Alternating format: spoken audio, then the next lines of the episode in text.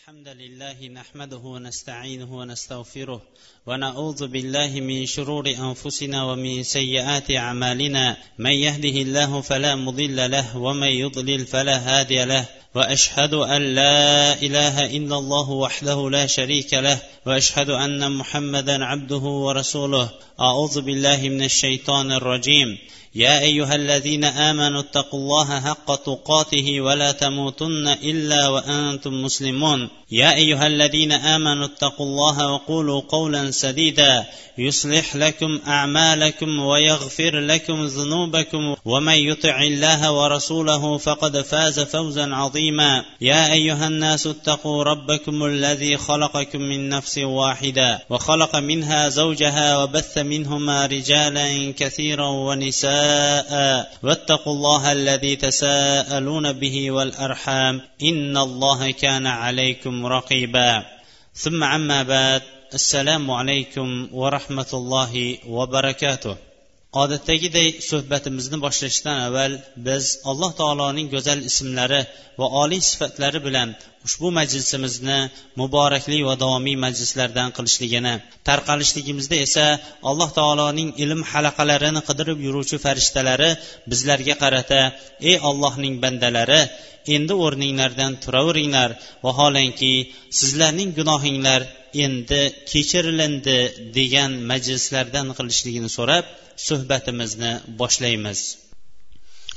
Bugungi mavzuimiz unvoni avval va'da qilganimizga o'xshash ayollar bilan erkaklarning muomala qilishlik odobi yoyinki fanidir.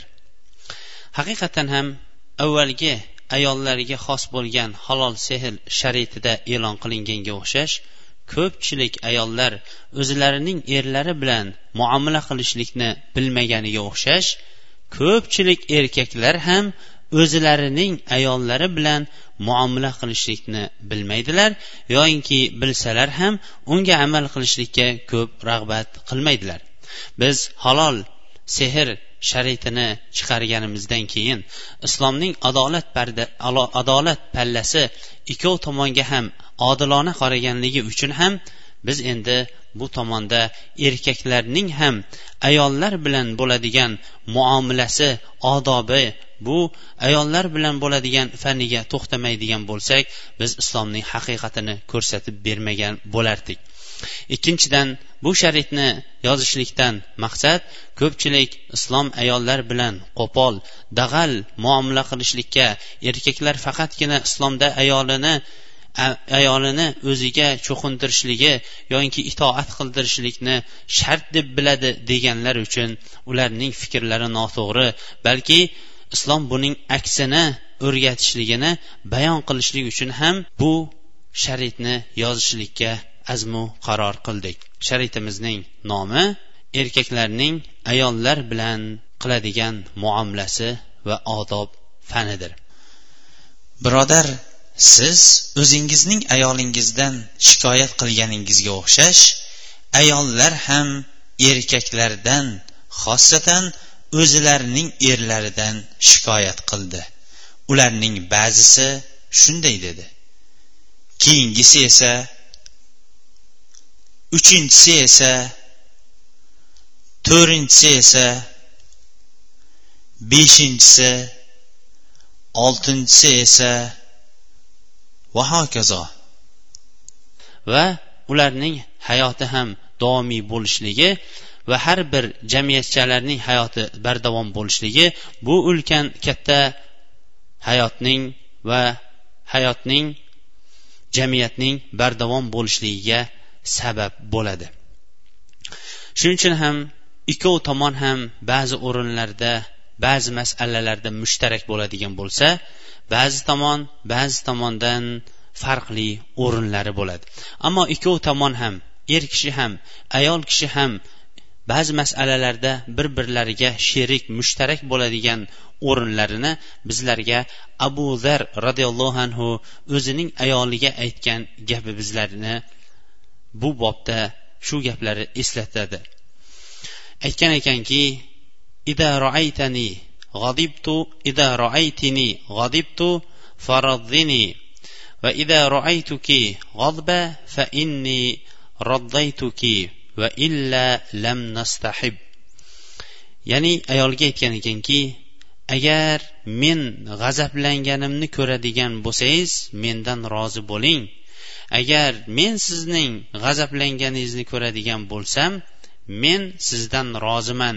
Shunaqa qilib bir birimizni rozi qilib o'tmaydigan bo'lsak hayotimiz davom etmaydi degan ekan. Shuning uchun ham er kishi va ayol kishining hayotdagi bir biriga bardavom bo'ladigan amallarining bittasi birining jahli chiqqan vaqtda ikkinchisi ham jahli chiqmasdan sal pastroq. Ikkinchisining jahli chiqqan vaqtida birinchisining ham jahli chiqmasdan sal pastroq bo'lishligidir.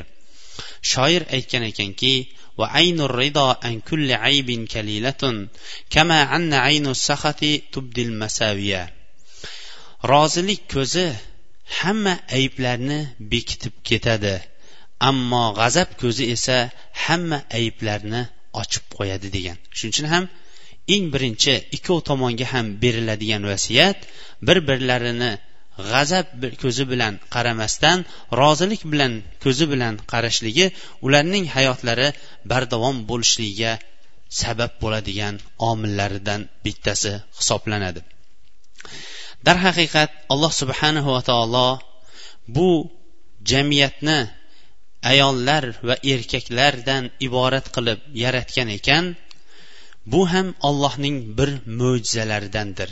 alloh taolo bu haqida aytadiki billah va min ayatihi va min ayatihi أن خلق لكم من أنفسكم أزواجا لتسكنوا إليها وجعل بينكم مودة ورحمة إن في ذلك لآيات لقوم يتفكرون allohning oyat mo'jizalaridan sizlarga sizlarning o'zinglardan ayollarni ular bilan hamdard bo'lishliklar uchun yaratganligi va orada muhabbat rahmat bo'lishlik qilib yaratganligidir. Mana bu amalda fikr yurituvchi qavmlar uchun bir oyatlar mo'jizalar bordir dedi. Bu mamlakatda er kishini alloh taolo bosh qilib qo'ydi. Bu kichkina mamlakatchaning boshlig'ini alloh taolo ar rijalu qawwamuna ala nisa bima fazzalallohu ba'dahum ala ba'din va bima anfaqu min amwalihim oyati bilan er kishi uyning xo'jayini qildi. Lekin uy xo'jayini bo'lgan er kishi qanday qilib o'zining qo'l ostidagi shaxslar bilan muomala qilmoqligi keragini esa mana inshaalloh bugungi mavzuimizda tanishib o'tamiz. Kutubi sunna rivoyat qilgan hadisda oysha onamiz aytadiki payg'ambarimiz sollallohu alayhi vasallam vafot etayotgan vaqtida bir narsa deb pichirlardi. Men nima deyayotganini anglashligim uchun lablariga qulog'imni yaqinlasam assola assola va ma malakat aymanukum? sizlarga namozni barpo qilishliklarini vasiyat qilaman. Namozni barpo qilishliklarini vasiyat qilaman. Ana undan keyin esa qo'l ostinglardagilarning haqlaridan qo'rqinglar deb payg'ambarimiz sollallohu alayhi vasallam bu oxirgi vasiyati edi. Shuning uchun ham islom erkaklarning nihoyatda ayollar bilan chiroyli muomala qilishlikka istavsu bin nisai xayro ayollarga chiroyli vasiyat chiroyli muomalada bo'linglar. Xayrukum xayrukum li ahlihi va ana xayrukum li ahli. Sizlarning yaxshinglar ahllari uchun yaxshi bo'lgani va sizlarning ichinglardagi ahli uchun eng yaxshi bo'lgani menman degan payg'ambarimiz sollallohu alayhi vasallamning o'gitlari bilan. Shuningdek har bir nuqtada payg'ambarimiz alayhissalom oilalariga yo ashoblarni oilalariga qaytgan holatda bu sharitimizni inshaalloh to'ldirishlikka harakat qilamiz. Ayollar bilan erkaklarning qiladigan eng birinchi muomalasi ayolini chaqirgan vaqtidagi muomalasi ekan. Bu esa ayolini ayoli suyadigan ayoli yaxshi ko'radigan eng chiroyli ismlar bilan chaqirishlik va muloyimlik bilan muomala qilishlik ekan. Bu bobda payg'ambarimiz sollallohu alayhi vasallam ham bizlarga nihoyatda chiroyli o'rnakli amallarni tashlab ketgan edi. Payg'ambarimiz sollallohu alayhi vasallam oysha onamizni ham chiroyli ismlari bilan chaqirardi. Payg'ambarimiz alayhissalom oysha onamizni ya aish ya aish hada jibril yuqriuka salam derdi. Hadis esa muttafaqun alayh. Ya'ni ey aish aish degani bu arab tilida tasg'ir bobida ismni kichik qilib xuddi yosh bolani erkalatib turib yosh bolalarning ismini kichraytirib turib chaqirganga o'xshash oysha onamizni ham payg'ambarimiz sollallohu alayhi vasallam mana bu hadisda erkalatib chaqirar ekan. Ammo boshqa hadisda esa oysha onamizni payg'ambarimiz sollallohu alayhi vasallam ya humayro deb chaqirardi. Ey humayro degani bu arab tilida oq kalimasini anglatadi deydi ibn kasir va zahabiy bu arab tilida arab diyorlarida nihoyatda kam uchraydigan va arablar bunga ko'p moyil bo'ladigan va yaxshi ko'radigan rang bo'lganligi uchun ham payg'ambarimiz alayhissalom oysha onamizni ey oppog'im oppog'im deb turib oysha onamizni chaqirgan ekanlar. Mana bu ham er kishi bilan ayol kishi o'rtasidagi chiroyli ulfat va muhabbat oshiradigan kalimalarning va nidolarning bittasi hisoblanadi. Imom muslim oysha onamizdan rivoyat qilgan hadisda aytadiki oysha onamiz قالت كان رسول الله صلى الله عليه وسلم يقبل إحدى نسائه وهو صائم ثم تضحك رضي الله عنها أي تعني أنه كان يقبلها payg'ambarimiz sollallohu alayhi vasallam ro'za bo'lib tursa ham ayollarini suyib qo'yardilar o'pib qo'yardilar deb keyin oysha onamiz kulib qo'yardi o'sha o'pgan ayollari o'zi ekanligiga ishora qilgan holatida deydi. Qarang payg'ambarimiz sollallohu alayhi vasallam ibodat ustida ham o'zining ayollari bilan nihoyatda chiroyli holatda mana bunday muomalada bo'lgan. Yana chiroyli ular bilan bo'ladigan muomala bobida ayollarni ovqatlantirib qo'yishlik. Ishonavering bu ham ayollarimizda ba'zi bir erkaklarga qilinadigan sifatlar yo'qolib qolganga o'xshash erkaklarimiz ham ishonmaydigan ravishda ba'zi bir sifatlar erkaklarimizda yo'qolib qolgandir. Imom buxoriy va muslim sad ibn abi vaqqos roziyallohu anhudan rivoyat qilgan hadisda hadis nihoyatda uzun lekin biz o'zimizga kerakli o'rniga o'rniga to'xtaymiz. Payg'ambarimiz alayhissalom aytgan ekanki va innaka mahma anfaqta min nafaqatin fa innaha sadaqatun hatta luqmata allati tarfa'uha ila fi ila fi imraatik. Ya'ni aytgan ekanlarki siz qanday infoq qilmang hattoyinki ayolingizning og'zi uchun og'ziga ko'tarayotgan luqmangiz ham sadaqa hisoblanadi degan ekan. Siz har qanaqa infoqni sadaqani qilmang. Hatto ayolingizning og'zi uchun ko'tarayotgan luqmada ham ajr olasiz mana shu savob degan ekan. Qarang payg'ambarimiz sollallohu alayhi vasallam yeyayotgan oshingizni yoki yeyayotgan mevangizdan bitta ayolingizning og'ziga solib qo'yishlikni ham buni sadaqa va ehson va savob dedilar. Bu bir tomondan savob bo'ladigan bo'lsa ikkinchi tomondan erkak kishi o'zining ayolining qalbini qanchalik o'ziga rom qilib oladigan nihoyatda chiroyli fan ayollar bilan bo'ladigan fanlarning bittasi. Keyingi savolimiz necha yil ayolingiz bilan birga yashagan bo'lsangiz biron bir marta ayolingiz og'ziga luqma yoki biron bir mevadan solganmisiz? Ayollar bilan bo'ladigan odoblarning odob muomalalarining yana bittasi er xotinlik bu oilada bu hayotda er kishi ayolidan o'tayotgan uncha muncha kamchilik xatolarni kechirib yuborishlik. Xossatan va ayniqsa bu xato kamchiliklar dunyoviy xato va kamchiliklar bo'ladigan bo'lsa. Nima uchun? Chunki birodar do'stim siz unutmangki siz erkak bo'lishligingizga qaramasdan siz o'zingiz qancha xato va kamchiliklarni qilasiz. Vaholanki alloh taolo sizni erkaklardan vaholanki sizni alloh taolo ayollardan qancha komil qilib yaratdi. Aqlan ham jisman ham komil qilib yaratdiyu. Lekin siz hamma o'zingizning bo'yningizdagi vojib amallarni vazifalarni haqlarni ado qila olmas ekansiz qanday qilib endi sizdan ojiz bo'lgan ayol bu haqlarni vojiblarni vazifalarni ado qila olsin.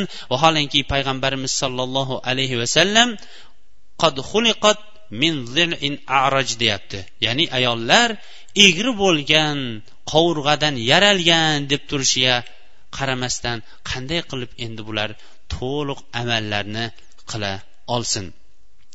Shuningdek bilingki ayol kishi uyida bir qarasangiz oshxonada yana bir qarasangiz bolalarning usti bilan tozalash bilan ovora. Yana bir qarasangiz ovqat qilishligi bilan yana bir qarasangiz hovli ko'chani supurish bilan yana bir qarasangiz sizning yo o'zining ust boshiga qarashligi bilan mana bu amallar bilan ayol kishi o'zining bo'ynidagi siz tomonda bo'lgan huquqlarni hammasini bajara olmasligi ham sizning u tomondan ko'proq xato va kamchiliklarni kechirib yuborishligingiz uchun sabab bo'ladigan omillarning bittasidir. Bu bobda ham payg'ambarimiz alayhissalomga endi bir to'xtamoqligimiz kerak. Chunki payg'ambarimiz sollallohu alayhi vasallamning xonadoni bizlar uchun namuna va o'rnak bo'ladigan xonadonlardandir.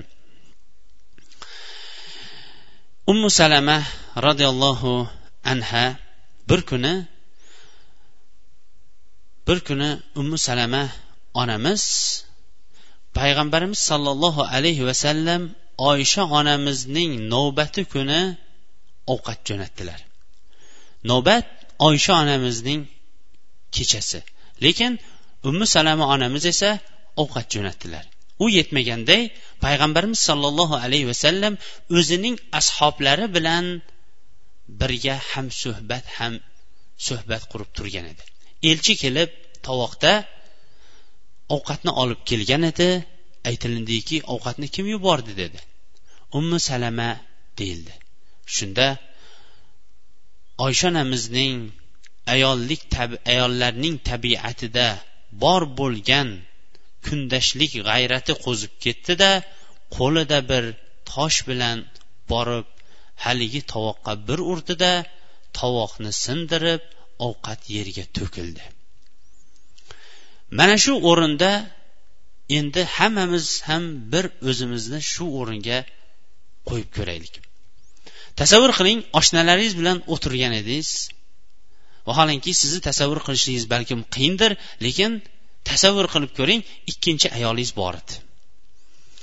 Shunda birinchi ayolingiz uyda turgan vaqtingizda ikkinchi ayolingizdan uning ustiga do'stlaringiz bilan birga o'tirgan vaqtingizda ikkinchi ayolingizdan mana shunday ovqat kelib qoldi.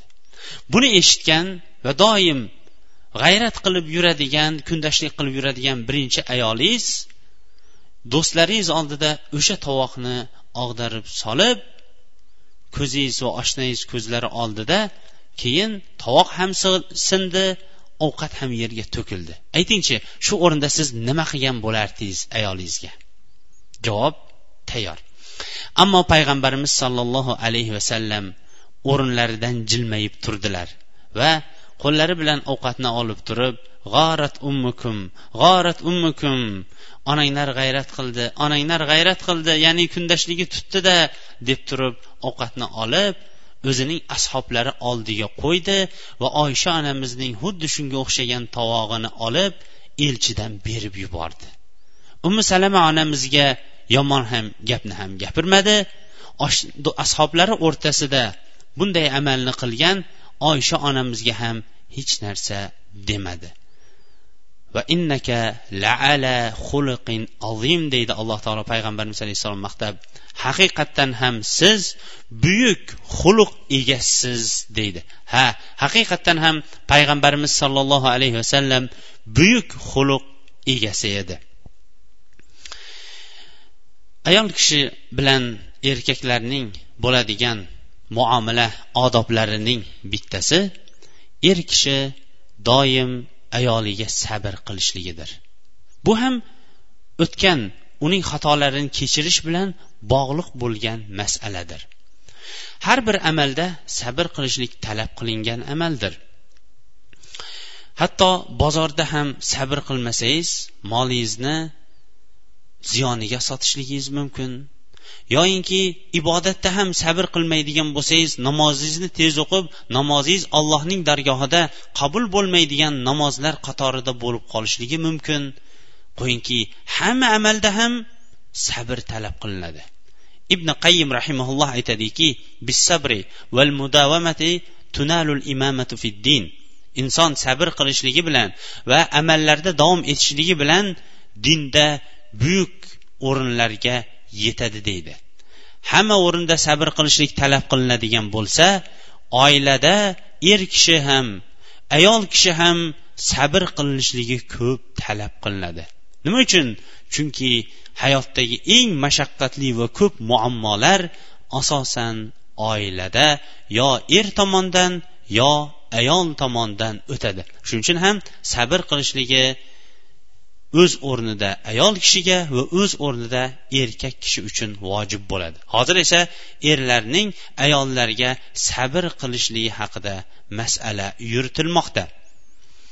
Rivoyat qilinishicha bir kishi umar ibn xattobning oldiga o'zining ayolining xulqi yomon ekanligini bayon qilishlik uchun shikoyat qilib kelibdi.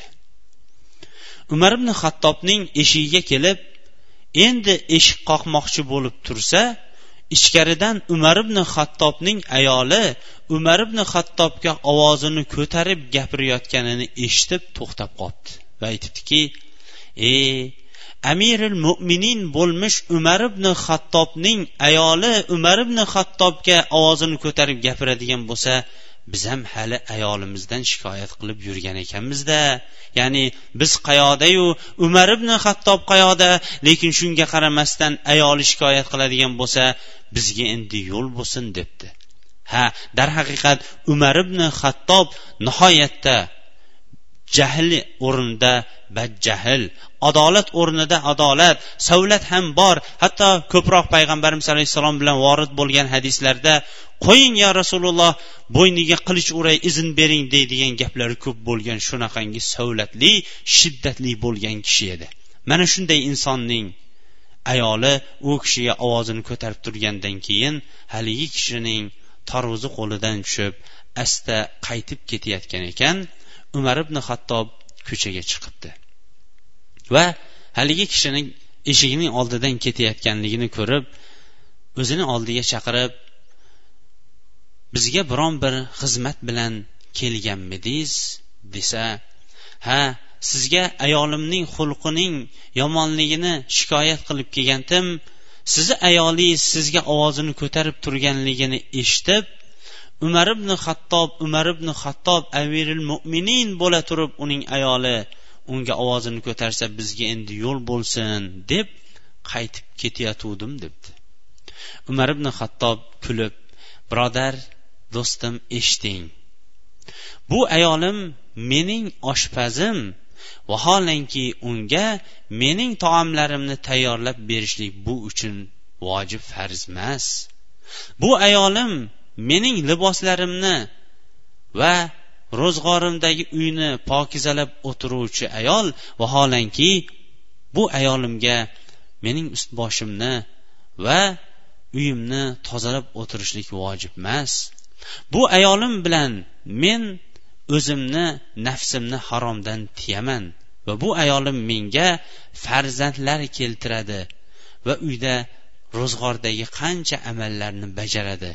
Aytingchi shuncha amallarni men uchun sabr qilib bajarayotgan ayolim ha ozgina oyda yilda bir ovozini ko'taradigan bo'lsa sabr qilmaymanmi? debdi. Shunda haligi kishi ya amirul mo'minin mening ayolim ham mana shu amallarni uyda bajaradi degandan keyin umar ibn xattob unday bo'lsa siz ham sabr qiling degan ekan. Va iymonimiz komilki siz erkaklarning ham ayollari sizlarning ham ayollaringlar bu amallarni uyda qiladi endi birodar keling ayolingizdan bo'lgan uncha muncha xato va kamchiliklarga sabr qiling alloh subhanava taolo bu haqida billah فإن كرهتموهن فعسى أن تكرهوا شيئا ويجعل الله فيه خيرا كثيرا deydi ya'ni agar ularni yoqtirmaydigan bo'lsanglar ajabmaski agar ularni yoqtirmaydigan bo'lsanglar ulardan biron narsani yoqtirmay qoladigan bo'lsanglar ajabmaski alloh taolo bunda bir yaxshilikni qilib qo'ygandir وعسى أن تكرهوا شيئا وهو خير لكم وعسى أن تحبوا شيئا وهو شر لكم ya'ni ba'zan bir narsani yomon ko'rishinglar mumkin lekin u sizlar uchun yaxshi bo'lishligi mumkin va ba'zan bir narsani yaxshi ko'rishinglar mumkin lekin u sizlar uchun yomon bo'lishligi mumkin deydi. Shuning uchun ham hayot sabr va davom etishlik bilan oldinga qo'yilgan maqsadga g'oyaga yetishlik sabab bo'lgan asosiy omillarning bittasi sabr hisoblanadi. Ba'zan sabrsizlik yoyinki ishlarning oxiri o'ylamaslik bilan arzimagan narsadan o'rtada janjal yoki kelishmovchiliklar chiqib qoladi. Aytishlaricha bir sahroda yashaydigan er xotin ikkovi urushib qolibdi va ajrashib ham ketibdi. Uning sababi ayol o'tirib qo'lidagi yun bilan yun egirib o'tirib orzu qila ketibdi. Xuddi orzu qilishlik er xotinning odati bo'lganiga o'xshash. Aytibdiki endi bu yoqga qo'ni qo'shnidan ko'p iplarni ko'p yunlarni yig'ib keyin uni ip qilib sotib bir tuya olamiz desa eri gapni davom ettirib tuya oladigan bo'lsang men uni rosa minib yuradigan bo'laman desa yo'q minib nima qilasiz? Men uni sog'aman desa yo'q minaman yo'q sog'aman yo'q minaman bilan ikkovi urushib o'rta buzilibdi. Vaholanki tuyaning o'zi ham yo'q hali egirilgan ip ham ip u yoqda tursin qo'ni qo'shnidan yiqqan hali juni yuni ham yo'q. Shuning uchun ham mana bunaqa o'rinlarda chiroyli muomalalarning bittasi sabr qilishlik va xato kamchiliklardan kechirib yuborishlikdir. Yana ayollar bilan bo'ladigan muomalalarning bittasi ayollar uchun ziynatlanishlik va chiroyli jamolini ularga ko'rsatishlik. Xuddi halol sehr sharitida bayon qilganimizga o'xshash ayollar o'zlarining erlariga ziynatlanmay qo'yganiga o'xshash erkak kishilar ham hozirgi kunda o'zlarining ayollari uchun ziynatlanmaydi to uylangunicha ular ko'chaga chiqayotgan vaqtida atir upa u yoq bu yoqqa qaragan oynaning oldidan ketmagan sochini qayta qayta taragan va ming afsuslar bo'lsinki soqolini qirtishlagan mo'ylovini to'g'irlagan tuflisini qayta qayta artgan lekin uylangandan keyin bunaqa holat yo'q. Ko'chaga chiqishdagina o'shanaqa unda bo'lsa ham ayoliga tuflini to'g'irlab qo'y falonchini pistonday qilib qo'y nima uchun? Chunki ko'chada falonchilar ko'rishligi uchun. Ammo kechqurun ayoliga ziynatlanishlikchi bu esa erkaklarda yo'qolgan xuddi ayollarning ko'pchiligida yo'qolganga o'xshash. Ammo payg'ambarimiz sollallohu alayhi vasallamchi payg'ambarimiz alayhissalom hamma o'rinlarda biz uchun o'rnakdir. Imom buxoriy oysha onamizdan rivoyat qilgan hadisda oysha onamiz aytadiki men payg'ambarimiz sollallohu alayhi vasallamga xushbo'y hidlardan atirlardan o'zimning oldimda qanday atir bo'ladigan bo'lsa hammasini berib berardim. U kishi xushbo'ylanardi va turli xushbo'ylik suradigan yoki sepadigan xushbo'ylarni o'ziga o'ziga hatto soqoligacha surkab olardi deydi. Yana imom buxoriy oysha onamizdan rivoyat qilgan hadisda men payg'ambarimiz sollallohu alayhi vasallamning sochlarini tarab qo'yardim va sochlarini to'g'irlab qo'yardim deydi. Erkaklarning ayollarga yoki umumiy ziynatlanish bobida payg'ambarimiz sollallohu alayhi vasallam abu hurayra roziyallohu anhudan muttafaqun alayh bo'lgan hadisda bizlarga bayon etib hamsun minal fitra dedi. Beshta narsa fitratdandir. Birinchisi xatna qilishlik ikkinchisi esa qo'ltiq va kindik tagidagi tuklarni yo'qotishlik. Bu uchinchi to'rtinchisi bo'ladigan bo'lsa to'rtinchisi tirnoqlarni olishlik beshinchisi esa mo'ylovni qisqartirishlik dedi. Mana bu ham erkaklarning o'zini tozalashlik bo'ladigan bo'lsa xossatan uylanganlar esa ayollariga ziynatlanishlik bobida qiladigan amallardan. Ammo alloh o'zi saqlasin va ayollariga sabr bersin ko'proq nosotadigan va chekimlikni chekadigan erkaklardan. Payg'ambarimiz sollallohu alayhi vasallam innal malaikata tataazza mimma yataazza minhu ibn adam deganlar. Farishtalar ham odam farzandi ozorlanadigan narsadan ular ham ozorlanadi degan. Odam farzandi bu chekinayotgan chekimliklarning hididan ozorlanadigan bo'lsa va bu nosning ham hididan ozorlanadigan bo'lsa er kishi uchun eng yaqin bo'lgan ayoli bundan ko'proq ozorlanadi. Shuning uchun ham erkaklar o'ziga ozorlanishlikni lozim tutmagandan keyin o'zgalarga ham buni munosib ko'rmasin xosatan o'ziga yaqin va hamsuhbat bo'lgan ayoliga buni munosib ko'rmasin. Ziynatlanishlik bobida sahobalar ham tobinlar ham bizlarga namuna bo'ladigan amallarni tashlab ketgan.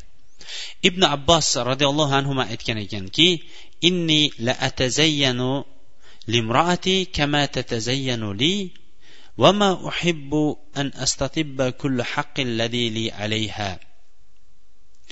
Aytgan ekanki ayolim menga ziynatlanganiga o'xshash men ham ayolimga ziynatlanaman degan. Chunki alloh subhanava taolo qur'oni karimda mana valahunna mislullazi alayhinna bil ma'ruf. Ularga ham sizlarningda bo'lgan haqlar ularning ustida ham bordir deydi. Ya'ni siz ayolingizning sizga ziynatlanishligini yoqtirganingizga o'xshash ular ham sizning ularga ziynatlanishligingizni xohlaydi. Bir kuni umar ibn xattobning oldiga soch sochi to'zib ketgan bir kishi ayoli bilan tortishib urushib kirdi. Ayol yo'q mana buni ko'ring yo'q mana buni ko'ring xohlamayman xohlamaydi deb baqir chaqir bilan bir biri bilan urushgan holatda kirdi. Shunda umar ibn xattob ayoliga aytdiki siz borib uyingizda o'tirib turing hozir masalani yechamiz dedi. Keyin u ketgandan keyin eriga aytdiki soch soqolingizni to'g'irlang yuving tarang o'zingizning kiyimlaringizni ham to'g'irlang dedi. Shu bilan o'zini to'g'irlab kiyimlarini to'g'irlab kelganidan keyin ayolini chaqirtirdi.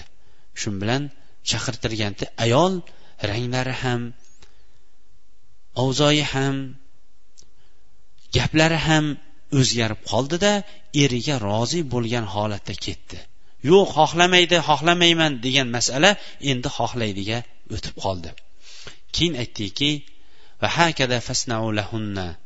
فالله إنهن لا يحببن أن تتزينوا لهن كما تحبون أن يتزين لكم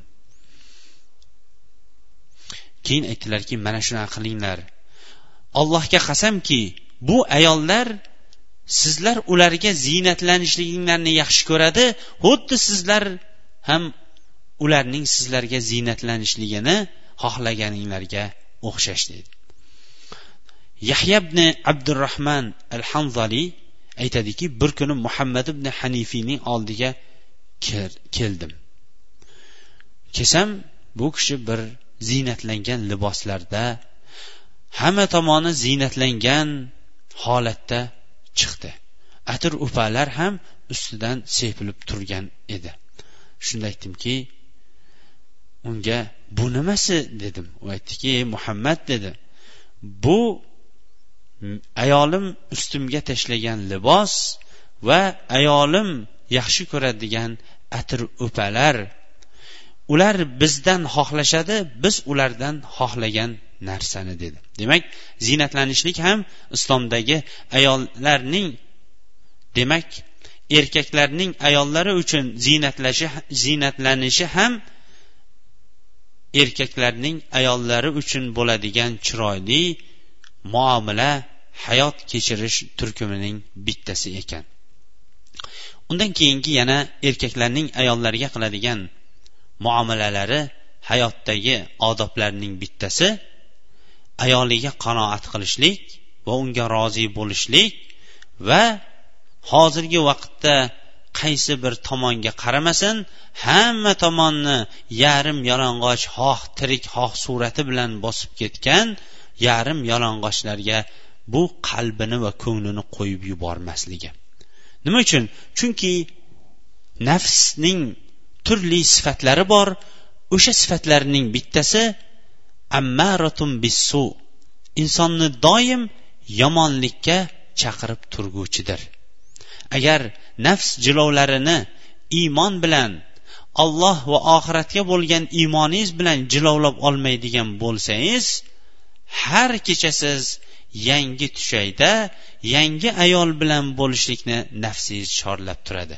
Lekin alloh va oxiratga iymon keltirishlik esa ayolga qanoat qilishlik va unga rozi bo'lishlik bilangina sizni hayotingiz bardavom bo'ladi. Va xossatan va xossatan va ayniqsa bugungi kunda nima narsa moda deyiladigan bo'lsa o'shalarning hammasini bu yarim yalang'ochmi yoyinki mutlaq jasadining hammasini ko'rsatadigan libos bo'ladimi unga qaramay kiyib ketilayotgan ko'chadagi liboslar o'rnida erkaklarning ayollariga qarata qanoat qilishligi va rozi bo'lishligi vojib bo'lib qolgan amallarning bittasidir alloh taolo qur'oni karimda billah قل للمؤمنين يغضوا من أبصارهم ويحفظوا فروجهم zalika azka lahum innalloha bima yasnaun deydi. Ya'ni ayting ayting mo'minlarga ular ko'zlarini o'zgalarga tikishlikdan ko'zlarini yumsinlar va farjlarini saqlasinlar haromdan zinodan deydi. Birinchi ko'zni yumishga alloh taolo buyuryapti. Nima uchun? Chunki ko'z agar to'xtatilmas ekan ko'z uni o'sha zinoga olib borishlikka sabab bo'ladi. Zalika azkalahum bu ular uchun yaxshidir. Albatta alloh taolo sizlar qilayotgan amallarning hammasidan xabardordir deydi. Lekin ko'chaga er kishi chiqsa ko'chadagi biron bir yarim yalang'och boshqa bir ta'bir bilan aytganda to'rti chiqsa sakkizi tushib yurayotgan ko'chadagi ayollarni ko'rib ko'ngli buzilgan er nima ish qilishi kerak? Bu ham ko'pchilik erkaklarning muammosi bo'ladigan bo'lsa ishonavering bu muammoni o'n besh asr avval payg'ambarimiz sollallohu alayhi vasallam bizlarga yechib berdi. Jabr roziyallohu anhu rivoyat qilgan hadisda payg'ambarimiz sollallohu alayhi vasallam bir kuni ko'chaga chiqdilar. Va bir ayolniga ko'zi tushdilar. Keyin darrov kelib onamiz bo'lgan zaynab onamizga keldilarda u kishi bilan birga bo'ldilar. Va o'zining hojatini ado etgandan keyin ashoblariga chiqdi va aytdiki ayol kishi ko'chaga chiqadigan bo'lsa ba'zan shayton suratida keladi va shayton suratida qaytadi. Agar birontangiz biron ayolni ko'rib qoladigan bo'lsa shu o'rinda agar nafsi chopadigan bo'lsa darrov ahliga qaytsin o'zining ahliga qaytsin chunki ahliga qaytib ahli bilan birga bo'lishligi uning nafsidagi tama qilgan narsasini bosadi qondiradi to'xtatadi dedilar.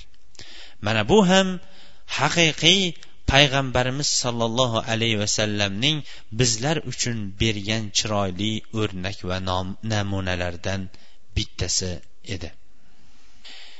Erkaklarning ayollar bilan bo'ladigan chiroyli muashara ya'ni hayot kechirishlik odobi fanining yana bittasi murosayu madora bilan yashashligi.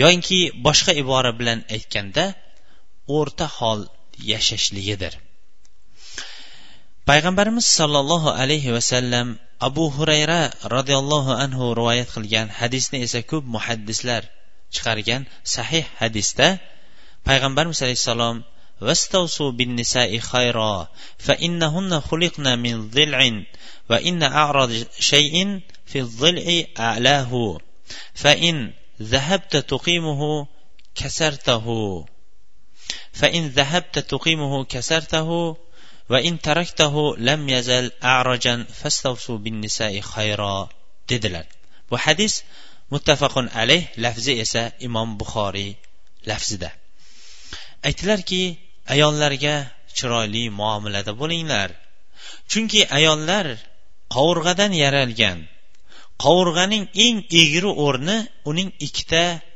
uchidir agar uni to'g'irlayman desangiz sindirib qo'yasiz.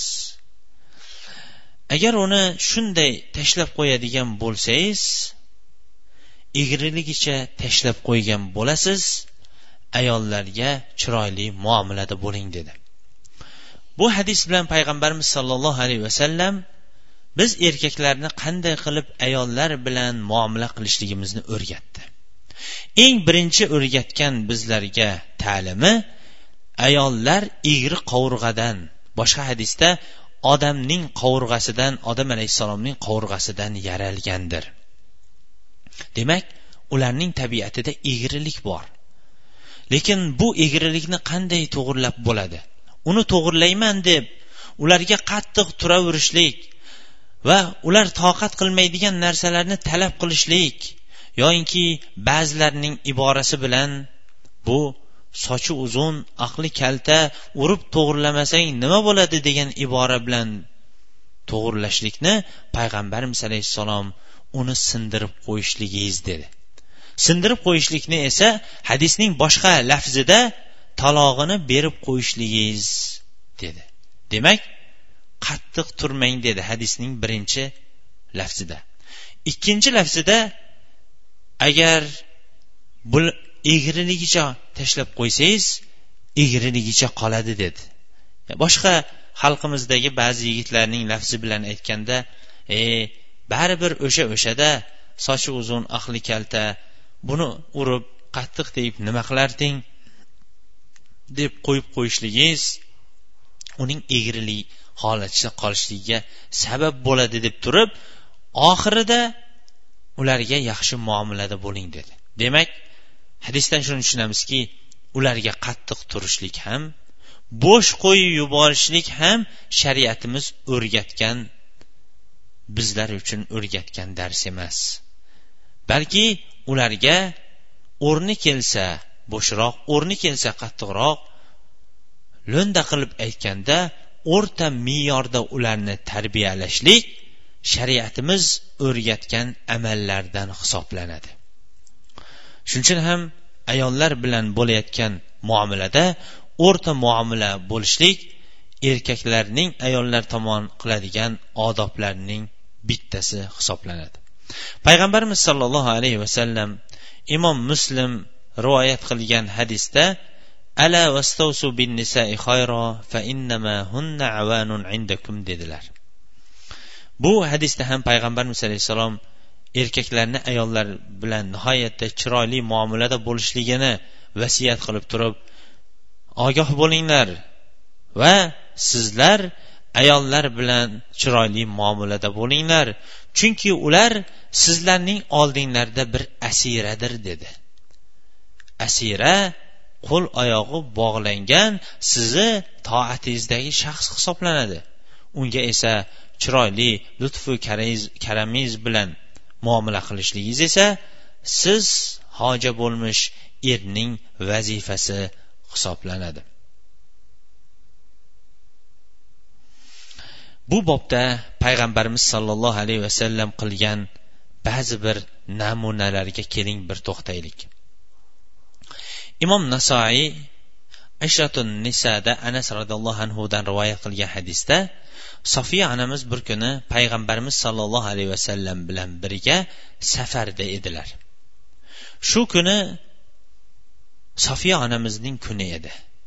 Lekin sofiya onamiz minib olgan tuya charchaganligi sabablimi yurishda nihoyatda sekin yurdi va sekin qiynalgan holatda yetib keldi. Payg'ambarimiz sollallohu alayhi vasallam kutib oldilar onamizni. Lekin onamiz tuyaning sekin yurganligidan yig'lab keldi. Yig'lab darrov payg'ambarimiz alayhissalomga xuddi boshqa ayollar ham erlarga qiladigan shikoyatdan boshladi. Aytdilarki meni sekin yuradigan tuyaga o'tqizib qo'yibsizda meni shu sekin yuradigan tuyaga o'tqizib qo'yibsizda deb shikoyatini boshladi.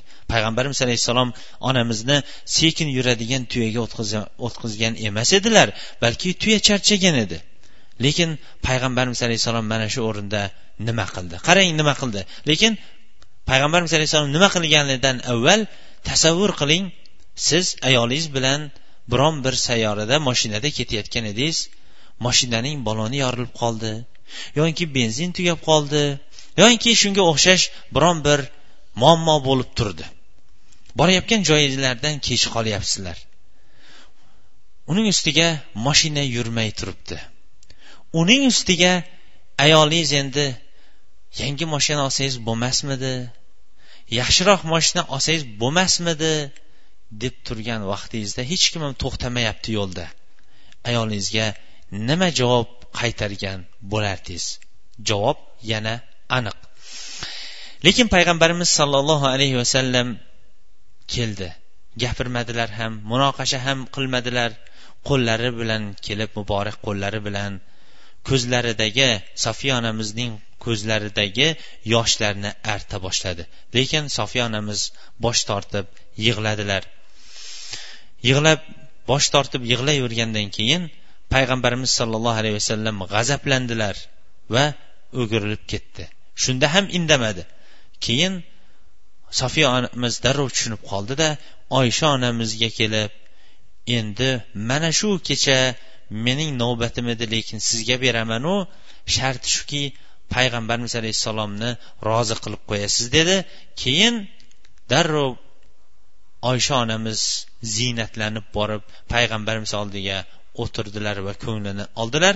Bu qissaning davomi halol sehr sharitida bayon qilingan. Qarang mana shu o'rinda payg'ambarimiz sollallohu alayhi vasallam onamiz bilan qanchalik chiroyli murosai madora qilib turib muomalada bo'ldi. Erkaklarning ayollar bilan bo'ladigan chiroyli odoblarining chiroyli muasharaning muomalaning yana bittasi va eng muhimi bu oxiratni obod qiladigan amallarda bir birlari uchun yordam berishligidir. Muso alayhissalom o'zining risolatini yetkazishlikka yordamchi qilib horunni alloh taolodan yordamchi qilishlikka izn so'rab turgan vaqtida bu yordamchilik amalini nima ekanligini yordamchilik qilishlikdan maqsad nima hamroh bo'lishlikdan asosiy maqsad nima ekanligini bayon qilib turib seni ko'p yod etishligimiz va senga ko'p tasbeh aytishligimiz uchun dedi. Albatta mana bu hayot ham oila ham er bilan ayoldan tashkil topganligi uchun ham hayot uy oila ollohning zikri tilovati qur'on payg'ambarimiz alayhissalom hadisi sahobalarning hayoti bu uy bilan to'lmas ekan bu uy chiroyli islomiy oilalardan bo'lmaydi. Shuning uchun ham er kishi ham ayol kishi ham oilani tutayotgan vaqtidagi asosiy niyatlardan bittasi oilani bardavom qilishdagi asosiy niyatlarning bittasi bir birlariga oxirat ishlarida yordam berishligidir. Alloh taolo qur'oni karimda billah va taavanu alal birri va taqvo va la taavanu alal ismi val udvan deydi. Ya'ni sizlar bir biringlar bilan yaxshilik va taqvoga olib boradigan ishlarda yordam beringlar va gunoh bo'ladigan bir biringlarga adovat bo'ladigan amallarda dushman bo'ladigan amallarda bir biringlarga yordam bermanglar deydi. Bu bobda ham bizlar uchun payg'ambarimiz sollallohu alayhi vasallamning xonadonida nihoyatda chiroyli namunalar bordir.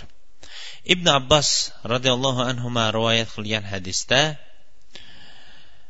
payg'ambarimiz sollallohu alayhi vasallam bir kuni ertalab bomdod namozini o'qishlik uchun juvayrira bintil harisning oldidan chiqib ketdilar. Bu juvayrira esa o'zining namoz o'qiydigan o'rnida o'tirgan edi. Keyin zuha namozini o'qib payg'ambarimiz alayhissalom qaytib kelgan edi. Bu haliyam o'sha namoz o'qigan o'rnida o'tirardi. Shunda payg'ambarimiz alayhissalom men oldingizdan chiqib ketgandan buyon shu holatcha o'tiribsizmi? dedi. Bu ha dedilar. Shunda payg'ambarimiz sollallohu alayhi vasallam sizdan keyin men to'rtta kalimani aytdim. To'rtta sizdan keyin men to'rtta kalimani uch marta aytdim. Agar ikkovi vaznga qo'yilganda sizni bu kun bo'yi qilib o'tirgan amalingiz bu men aytgan kalimalar undan ortiq chiqib ketardi undan og'ir bo'lardi. Subhanallohi va bihamdih adada xalqih varidan nafsih va zinata arshih va midada kalimatih dedilar. Hadisni esa imom muslim sahihlarida chiqargan. Mana bu bilan payg'ambarimiz sollallohu alayhi vasallam o'zlarining ahllariga ibodat zikr tasbeh va tahlilda yordam berdilar. Oysha roziyallohu anha onamiz aytadiki payg'ambarimiz sollallohu alayhi vasallam namoz o'qirdi. Men esa o'zimning tushagimda dam olib yotardim agar vitr o'qimoqchi bo'ladigan bo'lsa meni uyg'otardi men ham keyin vitrimni qo'shib o'qib qo'yardim deydi. Abu hurayra roziyallohu anhu rivoyat qilgan hadisda esa hadis esa imom abu dovud rivoyat qilgan shayx albani rahimaulloh esa hasan sahih darajasidagi hadis degan. Payg'ambarimiz alayhissalom bu hadisda aytganlarki rahimallohu rajulan qoma minal layli fasalla va iqada imraatahu fasallat fa in abat nadaha fi wajhiha al ma'a va rahimallohu imraatan qamat minal layli fasallat va ayqadat زوجها فإن أبى نضحت في وجهه الماء alloh taolo dedilar payg'ambarimiz alayhissalom kechqurun tahajjud namoziga turib keyin namoz o'qib keyin ayolini ham namozga uyg'otgan. Namoz o'qigan ayoli agar namoz o'qishlikdan turishlikdan bosh tortadigan bo'lsa turolmayotgan bo'lsa yuziga suv sepgan er sep yuziga suv sepib turib ayolini uyg'otgan er kishini olloh o'zining rahmatiga olsin dedi. Va yana kechasi tahajjud namoziga turgan namozini o'qigan va turmush o'rtog'ini erini ham namozga uyg'otgan turolmayotgan bo'lsa yuziga suv sepib turib uyg'otgan ayolni ham olloh o'zining rahmatiga olsin dedilar. Payg'ambarimiz sollallohu alayhi vasallam abu said hudriy va abu hurayra roziyallohu anhu rivoyat qilgan hadisni esa abu dovud o'zining sunanlarida chiqargan shayx albaniy esa bu hadisni sahih degan hadisda payg'ambarimiz sollallohu alayhi vasallam man istayqaza minal layli va ayqada imroatahu va sallaya rakatayni jami'an kutiba minaz zakirinalloha kasira va zakirat dedilar. Ya'ni kechasi kim uyg'onadigan bo'lsa keyin ayolini uyg'otadigan bo'lsa va ikkovlari birgalashib ikki rakaat namoz o'qiydigan bo'lsa ollohni ko'p zikr qiluvchi erlardan va ayollardan deb ollohning dargohida yoziladi degan. Shuning uchun ham mana bu yaxshilik ishlarga yordam berishlik xossatan uxroviy oxirat ishlariga yordam berishlik erlardan talab qilingan amal hisoblanganligi uchun ham alloh taolo qur'oni karimda payg'ambarlarning bittasining o'zining ahlini ibodatga buyurib turib shu ibodat ustida sabr qilganligini maqtaydi. Keyin esa yana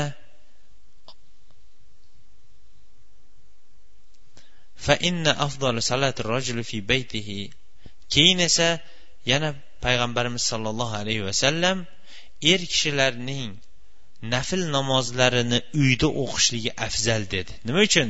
Chunki ahliga bu o'rnak va namuna bo'lishligi uchundir. Yana ayollar bilan bo'ladigan chiroyli husnul muasharaning bittasi chiroyli suhbat va chiroyli mumozaha hazil mutoyiba bu ham ko'p o'rinlarda yo'qolib qolgan amallarning bittasi hisoblanadi.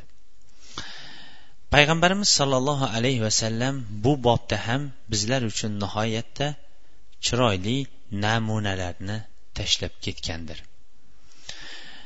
Oysha onamiz aytadiki payg'ambarimiz sollallohu alayhi vasallam bilan bir kuni safarga chiqdik.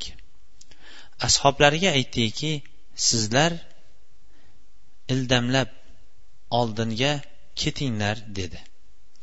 Keyin ikkovimiz tanho qolgandan keyin esa keling bir musobaqa o'ynashamiz dedi. Men u vaqtda yosh edim deydi.